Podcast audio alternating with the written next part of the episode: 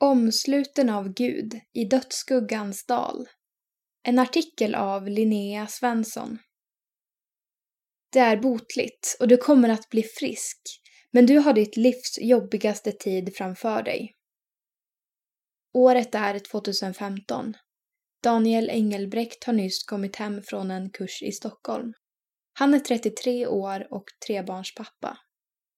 En vecka tidigare trodde han att han var helt frisk och skulle vara det länge till.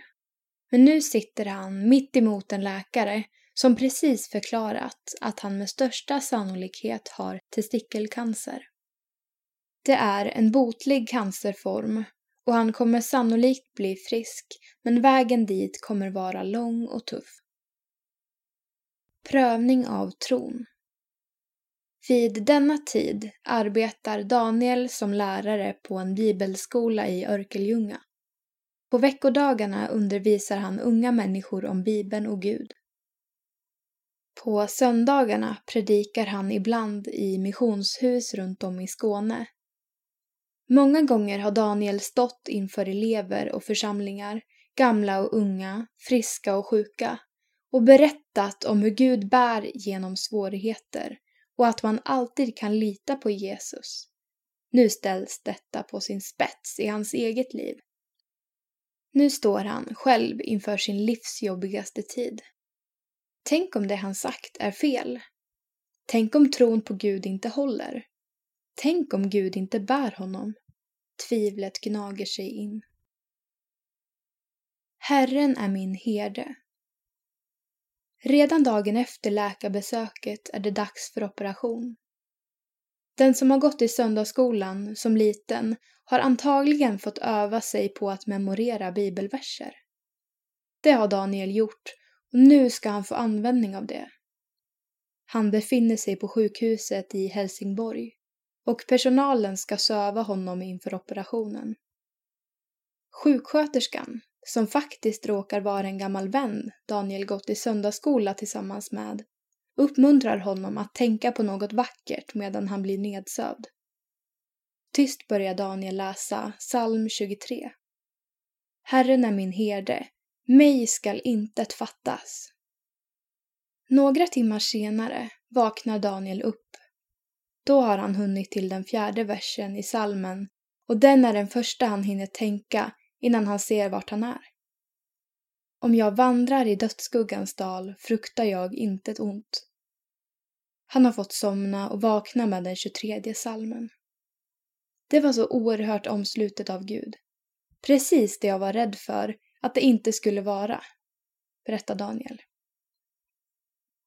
När orken tar slut. Nästa steg i behandlingen var en bukoperation och cellgift. Det innebar veckor av sjukhusvistelse och vila. Under tiden fick familjen klara sig själv. Daniels fru fick ensam ta hand om deras tre barn.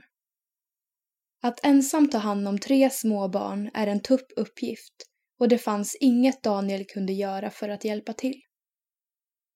Även när han var hemma orkade han inte göra något och han kände sig oduglig.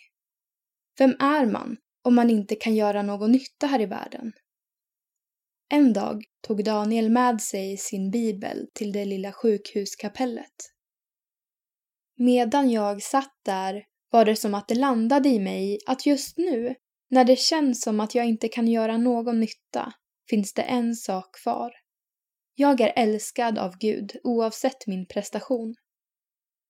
Det var enkla, välkända ord, men då blev det verkligt för mig. Buren av församlingen. I byn där Daniel bor finns ett missionshus dit de brukar gå på söndagarna.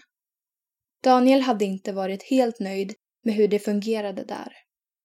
Han ville förändra föreningen och hade därför ett år tidigare gått in i rollen som ordförande. När hans familj nu som mest behövde hjälp var det just denna förening som ställde upp. De kom med mat, skjutsade Daniel till sjukhuset och klippte gräset. Det fick ta emot både praktisk omsorg och förbön och det kom som en käftsmäll. Han trodde att han skulle förbättra och ställa till rätta i församlingen. Istället var det församlingen som fick visa honom vad en bra församling verkligen innebär. Min församling har blivit så mycket viktigare för mig än vad den var tidigare. Låt ingenting få prioritera bort din församling, poängterar Daniel. Sju år har gått sedan den där fredagen när Daniel fick beskedet om cancer. Läkaren hade rätt. Behandlingen var tuff, men upplevelserna har på flera sätt förändrat Daniel på ett sätt som han idag är tacksam för. Nu njuter han mer av livet. Vad tacksam jag är att Gud tog med mig på den här resan och för allt det vackra som jag fått upptäcka.